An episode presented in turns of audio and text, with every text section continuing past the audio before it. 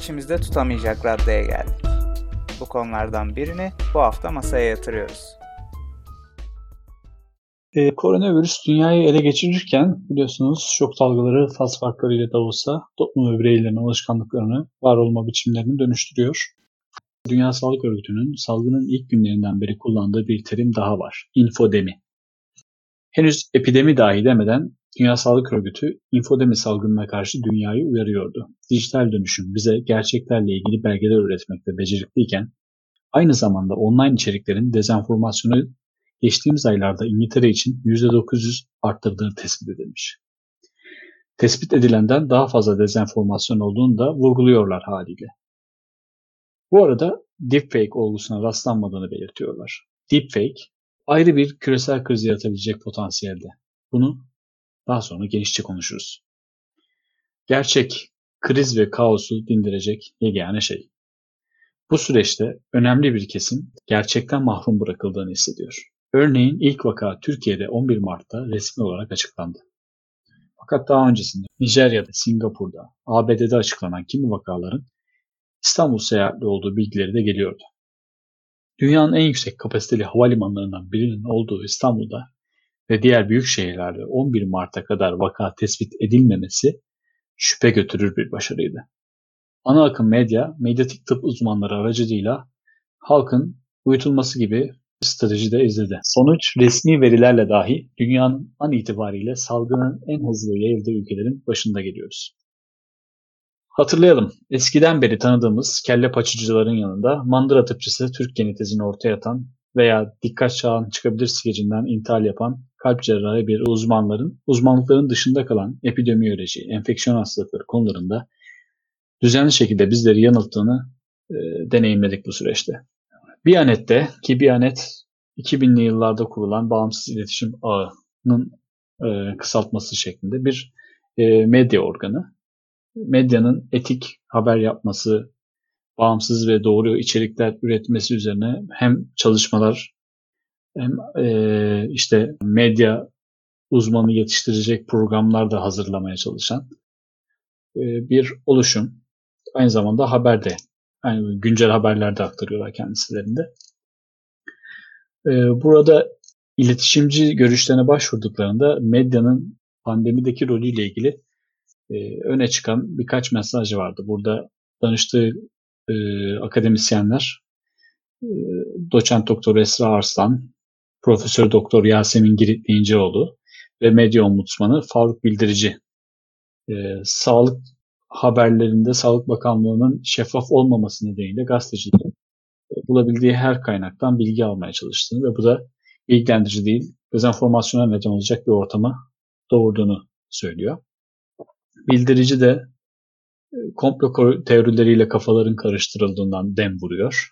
E, Giritli İnceoğlu e, konunun uzmanların ekranda olmalı, kadrolu konuklar değil diye de e, manşete taşıdığı bir sözü var. Peki neden dürüst olamıyoruz neticede? Dürüstlük, şeffaflık ancak katılımcı ve özgür bir ortamda mümkün. Güvensizlik öyle yaygın ki Avrupa genelinde haber kaynaklarına güven %49'lardan %20'lere kadar değişiyor. Türkiye bu konuda %46 seviyesinde çıkmış. Güvensizliğin bir nedeni popülizm ve manipülasyon. İngiltere'de 92'de seçimleri Tory'ler kazandığında Sun gazetesinin Sun kazandı manşeti bu konuda başta gelen sansasyonlardan. Yakın örneğini Trump seçimlerinde Cambridge Analytica skandalından da biliyoruz. Cambridge Analytica yeni bir medya kolunda bildiğiniz gibi sosyal medya, dijital medya tarafında seçmenlerin görüşlerini manipüle ettiği, yani bu görüşleri etki ettiği iddiasında bir e, skandaldı. Bir medya savaşı bu. Bu sınır tanımayan gazeteciler, sınır tanımayan otokratlar, popülistler, sınır tanımayan partizanlar ve sınırları tanımayan, bilmeyen kitlelerin meydanda olduğu bir muharebe. Medya coğrafyalarını, çok seslilik, özgürlük araştırmalarına hızlıca bakalım. Çünkü demiştik ya hani çok seslilik, katılımcılık, e, dürüstlük için önemli bir parametre. Bunun için 2017'de medya çok seslilik izleme programlarının sonuçları dikkat çekici. Avrupa'da temel basın özgürlüğü konusunda kırmızı kart yiyen tek ülkeyiz. Nedir basın özgürlüğü? İşte haberin içeriğinden dolayı habercinin, gazetecinin e, suçlanmaması, hukuki süreçlerde yorulmaması, yani haberin içeriğine duyulan bir saygı. Ülkemiz bu noktada en yani hatta tek kötü not olan Avrupa ülkesi olmuş. Fransa, İngiltere, Almanya, Nordik ülkeler bu alanda zaten en iyi durumda gibi görünüyor. E, politik bağımsızlık konusunda yine e, Polonya ile beraber e, Avrupa coğrafyasında en kötü notu olan iki ülkeden biriyiz.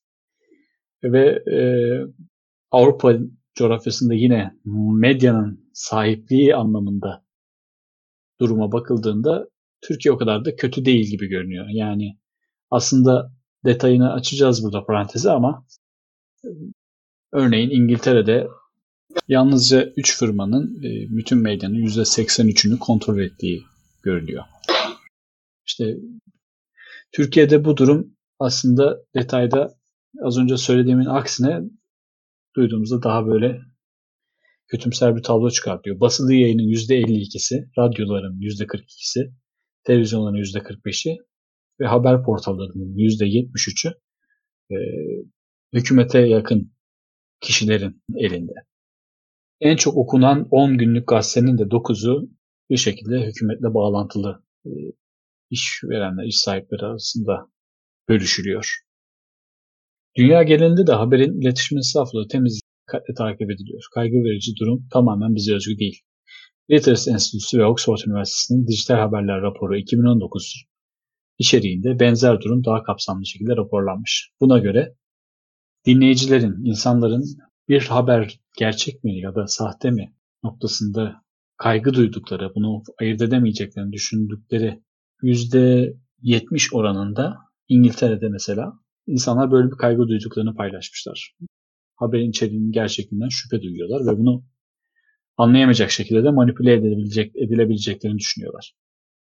Türkiye burada %63 ile sıralım biraz 11. 12. sıraya kadar gidiyor. Brezilya en feci durumda görünüyor. Ama biz de hani iyi bir durumda değiliz. Birinci ligde oynuyoruz diyebilirim. 11. sırada geliyoruz. Evet, dediğin gibi bu problem sadece Türkiye'ye özgü değil. En yakın örneklerinden biri de 5G ile ilgili ortaya çıkan dezenformasyon. 5G ile biliyorsun koronavirüs arasında ilişki olduğu öne sürüldü. Fakat bu yanlış bilginin kaynağı yurt dışında ortaya çıkan haberler ve Türkiye'ye de konvansiyonel medya üzerinden giriş yaptı. Köşe yazıları ve televizyon aracılığıyla dolaşıma giren yanlış bilgi de önemli sayıda insana ulaştı. Daha sonra komplo teorisi olarak servis edilmeye başlansa da Teitorg'daki değerlendirmeye göre örtülü bir birbirlen safsatası taşıyor gibi. Burada e, birbirlen safsatası kavramını da açmakta fayda var. Teitorg bu değerlendirmesini şöyle bir tanıma göre yapıyor. Bir iddianın doğru olduğunu yalnızca dile getirenin uzmanlığıyla açıklayan ve başkaca da bir kanıt öne sürmeyen argümanlar birbirlen safsatası olarak sınıflandırılıyor. Bu kavram İngilizce appeal to authority'den çevrilmiş. E, ayrıca otorite olma vasfının yanlış kişiye vakfedilmesi de bu safsatanın bir türü. Yani kısacası yanlış bilgi salgını konusunda işler biraz karışık e, ama bu soruna karşı olumlu hiçbir şey yok demek de doğru değil sanırım. Evet tabii dünyada işte az önce zaten başvurduğun Teyit.org gibi kaynaklarda bu infodemi ile ilgili bir çözüm sunma iddiasında bir nevi. Ee, ve bu infodeminin yarattığı bir tepki de var. Mesela raporda tekrar geri döndüğümüzde insanların kendini haber medya araçlarından sakındığını da ortaya koyuyor bu rapor.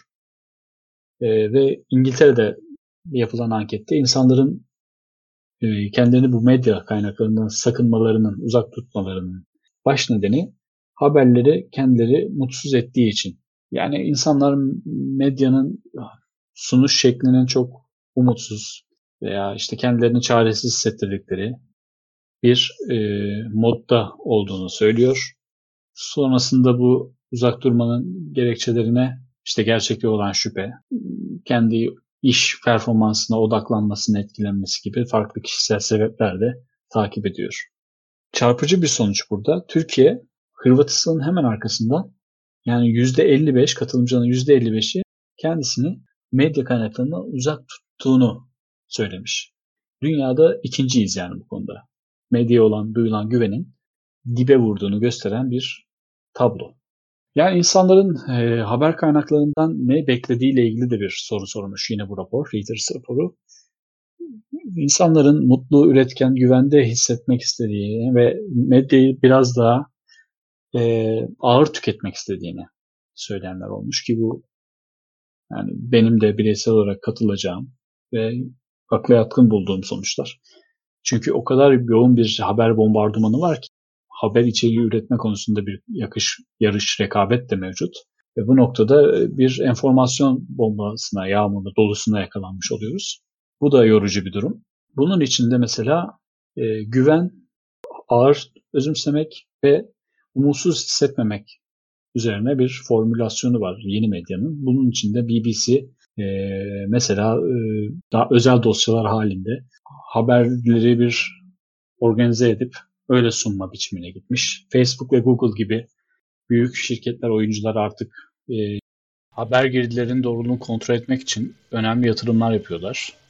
Hem de e, yine bu yavaş haber verme veya işte benzer haberleri bir öykü şeklinde kullanıcıya, tüketiciye sunma şekli gibi e, çözümler arayışındalar. Bu noktada mevcut bu Reader araştırmasının çıktılarına da cevap verecek şekilde bir dönüşüm içerisindeler. BBC diğer tarafta tabi sadece haberi yavaşlatmıyor. Yani organize edip sunmak dışında reality check şeklinde özel bir bülten de yayınlıyor. Google'ı dünyanın en büyük arama motoru ve artık bir teyit motoru hizmeti de veriyor mesela. Bu çok önemli bir, yani hoşuma giden bir şey oldu benim. Bunu da sizlerle paylaşmış olalım. E, toolbox.google.com slash factcheck slash explorer adresinden e, merak ettiğiniz bir konuda aynen Google'da arama yapar gibi sorgu yazıp aratma yaptığınızda bununla ilgili bir e, mevcut dünya genelinde bir e, firma, bir şirket, bir organizasyon teyit çalışması yaptıysa onun sonucunu dönüyor size. Yani gerçekten bu haber doğru mu değil mi onu öğrenmiş oluyorsunuz. Türkiye'de bu konuda neler var? Teyit orgu biliriz. O öne çıkan popüler bir kaynak. Doğruluk payı var. Özellikle politik konularda bu her iki çalışmada e, bir fact check, teyit anlamında hizmet veriyorlar. E, ben Biyanet'i yine önemsediğim bir kaynak takip ediyorum. Haberciliğe etik doğruluk ve şiddet açısından dik dik raporlayıp her yıl, her çeyrek bu anlamda detaylı e, çalışmalar sunuyorlar. Bu noktada ben ufak bir katkı yapmak isterim. Gerçekten senin de belirttiğin gibi içinde bulunduğumuz bu post-truth ya da hakikat ötesi çağda doğru bilgiye ulaşmak çok zor ve önemli bir konu. Bu konuda da e, İngilizce tabirle fact checking denilen Türkçe doğrulama diyebileceğimiz e, organlar, bu işlevi gören organlar e, çok önemli bir konuma geliyor. Ancak diğer taraftan da bazı tartışmalar var. Bu organların e, bir takım sınırlılıkları olduğuna dair. Kısaca bu sınırlamalardan bahsetmek istiyorum ben. Bu platformlarla ilgili tartışmalardan biri güvenilirlik konusunda. Farklı platformlardan gelen farklı bilgiler tutarlılık sorunu yaratabilecek ve bu da e, güvenilirliği zedeleyen bir faktör olarak ortaya çıkacaktır. E, diğer bir konu yine objektiflik konusunda. E, objektiflik konvansiyonel habercilikte bir norm olarak e, ele alınıyor ve öznel görüşlerden kaçınılarak doğrudan alıntılarla yürütülen bir süreç. Doğrulama sadece isim, tarih, mekan gibi faktörlerle sınırlı. E, buna karşın e, fact-checking kaynağın veya iddianın içeriğini doğrulama işlemi olduğu için yorumsal, yoruma dayalı, ön yargılı ve öznel olmak gibi eleştirilerle karşılaşabiliyor. Bununla birlikte teyit sürecinin zaman alması ve bu süreç içerisinde yanlış bilginin yayılması büyük bir risk. Dolayısıyla yanlış bilgi teyit sağlanana kadar kendisine e, yayılabilecek zaman bulabiliyor. Ve son olarak da e, ön yargıların insanları doğru olmayan habere açık hale getirebilmesi. Böyle bir durumda yanlış haberin yayınlanmasının teyit sağlanmış olsa bile olumsuz etkilerinden kaçınma imkanını oldukça sınırlıyor. Bütün bu noktaları ele aldığımızda her ne kadar teyit platformları günümüzde doğru bilgiye ulaşmak için son derece önemli olsa da yeterli görünmüyor. Bu nedenle bu platformların bize sunduğu alanı bizim de elimizden geldiğince genişletmemiz gerekiyor. İçinde bulunduğumuz çağı atlatarak şeffaf ve demokratik bir şekilde doğru bilgiye ulaşabilecek olanaklara kavuşmak için hepimizin sorumluluk alması gerekiyor diye düşünüyorum. Yani bunun için sosyal medya kullanımında örnekse paylaştığımız bir içeriğin doğruluğundan emin değilsek paylaşmamak gibi e, çok basit bazı alışkanlıkları edinmek bile e, bize birçok şey katabilir. Evet doğru söylüyorsun. Hani e, bu noktada herkese düşen bir sorumluluk var. Bu herkesin de aslında dediğimiz gibi bir karın ağrısı, hepimizin problemi. Az önce söylediğin medyanın demokratikleşmesiyle ilgili bir ayrı boyut daha katmakta fayda olabilir. Burada e, gerçekten demokratikleşme kavramını şöyle anlarız herhalde. Herkesin medyaya erişimi veya medyanın herkese ulaşabiliyor olması gibi. Medyanın karşılaştığı bu darboğaz ve zorluklarla yerli mücadele girişimlerinden biri de bundle. E, medyanın önemli bir problemi artık e, dinleyiciye ve kitlesine ulaşmak. Bundle bu noktada yerli bir uygulama ve işte gazeteleri, haber kaynaklarını kullanıcıya ulaştırıyor. Çünkü kullanıcıların bir tercihi de birden fazla haber kaynağına ulaşmak istiyorlar haliyle. Çünkü güven problemi var, yanlılık var, kutuplaşma var. Daha çok görüşe ulaşıp doğruyu anlamak istiyor insanlar. Bu noktada Bundle gibi e, ya da Google News gibi, Apple News gibi uygulamalar önemli ve öne çıkıyor. Bir noktada daha bu uygulamaların önemi var. E, habere ulaşma özgürlüğü. Habere ulaşma özgürlüğü şöyle, insanlar e, ulaşmak istediği her kaynağa bir abone ücreti ödemekten kaçınıyorlar çünkü bir maliyet ve bunu karşılayamayacak durumda da olabilirler. Bunun önüne geçmek için e, bu kaynakları bir arada ve ücretsiz sunabilen ortamlar, platformlar değer kazanıyor. Önemli bir çalışma da şey noktasında yapılıyor bu rapordan yine görebilirsiniz. Buna duvarlara çarpmak tabirini kullanmışlar. Yani paywall, ödeme duvarına çarpıp habere erişiminiz engelleniyor. Çünkü işte Financial Times, New York Times gibi kaynaklar örneğin e, bir ücret, abonelik yapmazsanız kaynaklarına, içeriklerine erişimi engelliyorlar. Dolayısıyla aslında bir haber alma özgürlüğü konusunda da bir problemle karşı karşıya kalabiliriz gelecekte. Ve tabii insanların bir nokta, bir tercihi daha var. Podcastler. Burada da ilginin, rağbetin, günlüğün arttığını görüyoruz. Özellikle genç bizim yaş grubunda. Bu noktada da e, haber daha yavaş ama anlaşılır, damıtılmış olarak sunulması, çözümler noktasında da hani insanların çaresizlik duygusunu da giderecek şekilde bir analizin neticesinde çözüm sunabilmek de önemli olduğu anlaşılıyor. Ve biz naçizane hani bu beklentileri hem taşıyorum hem de bu podcast ile beraber az önce bu fact check ile ilgili verdiğimiz e, adres gibi çözümler de sunmaya çalışacağız. Çünkü bu hepimizin karın ağrısı. Ee, çok ufak ve kısa bir turla da şey bakacağım. Onu aktarayım. Ee, medyadaki kutuplaşma dünyada nasıl diye baktığımızda e, mesela medya olan duyulan güven Trump seçimleri sırasında o esnada nasıl değişmiş diye göz attığımızda Amerika'da sol görüşlü insanların medya duyduğu güvenin %35'lerden 53'e çıktığı Trump seçildikten sonra dikkat çekiyor. Sağ görüşlü ya da işte cumhuriyetçi kitlenin de medyaya duydukları güven %25 seviyesinde daha az güven duyuyorlarmış. Trump seçimlerinden sonra seçildikten sonra 9'lara kadar düşmüş. 2015'ten 19'a kadar. E, Amerika'da ilginç bir durum var. Şu an Cumhuriyetçiler iktidarda ama e, demokrat taraf, liberal taraf medyaya daha egemen. İngiltere'de ise sağ görüşlerin yani Tory'lerin işçi partiye göre diyelim ya da sola göre genel olarak güveni biraz daha yüksek ama e, bu Brexit oylamasından önce %58'deyken 2019'da %41'lere kadar düşmüş. Ciddi bir erozyon var. E, sol kesim İngiltere'de zaten %46'dan 38'e düşmüş. Yani daha hafif düşmüş ama orada da bir düşüş gözleniyor.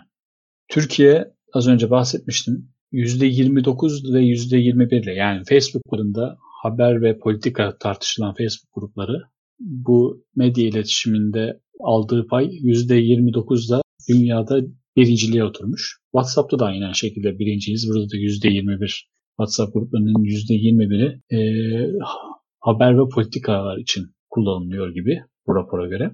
Evet yani bu kısa gerçek ya da kısa bilgilerle de medya sahipliği dosyamızı diyelim toparlamış olduk. Ee, bizlere Oratti Podcast hesabı üzerinden Instagram ile yorumlarınızı ve görüşlerinizi iletebilirsiniz. Haftaya tekrar farklı bir konuyla e, görüşmek üzere. Hoşçakalın.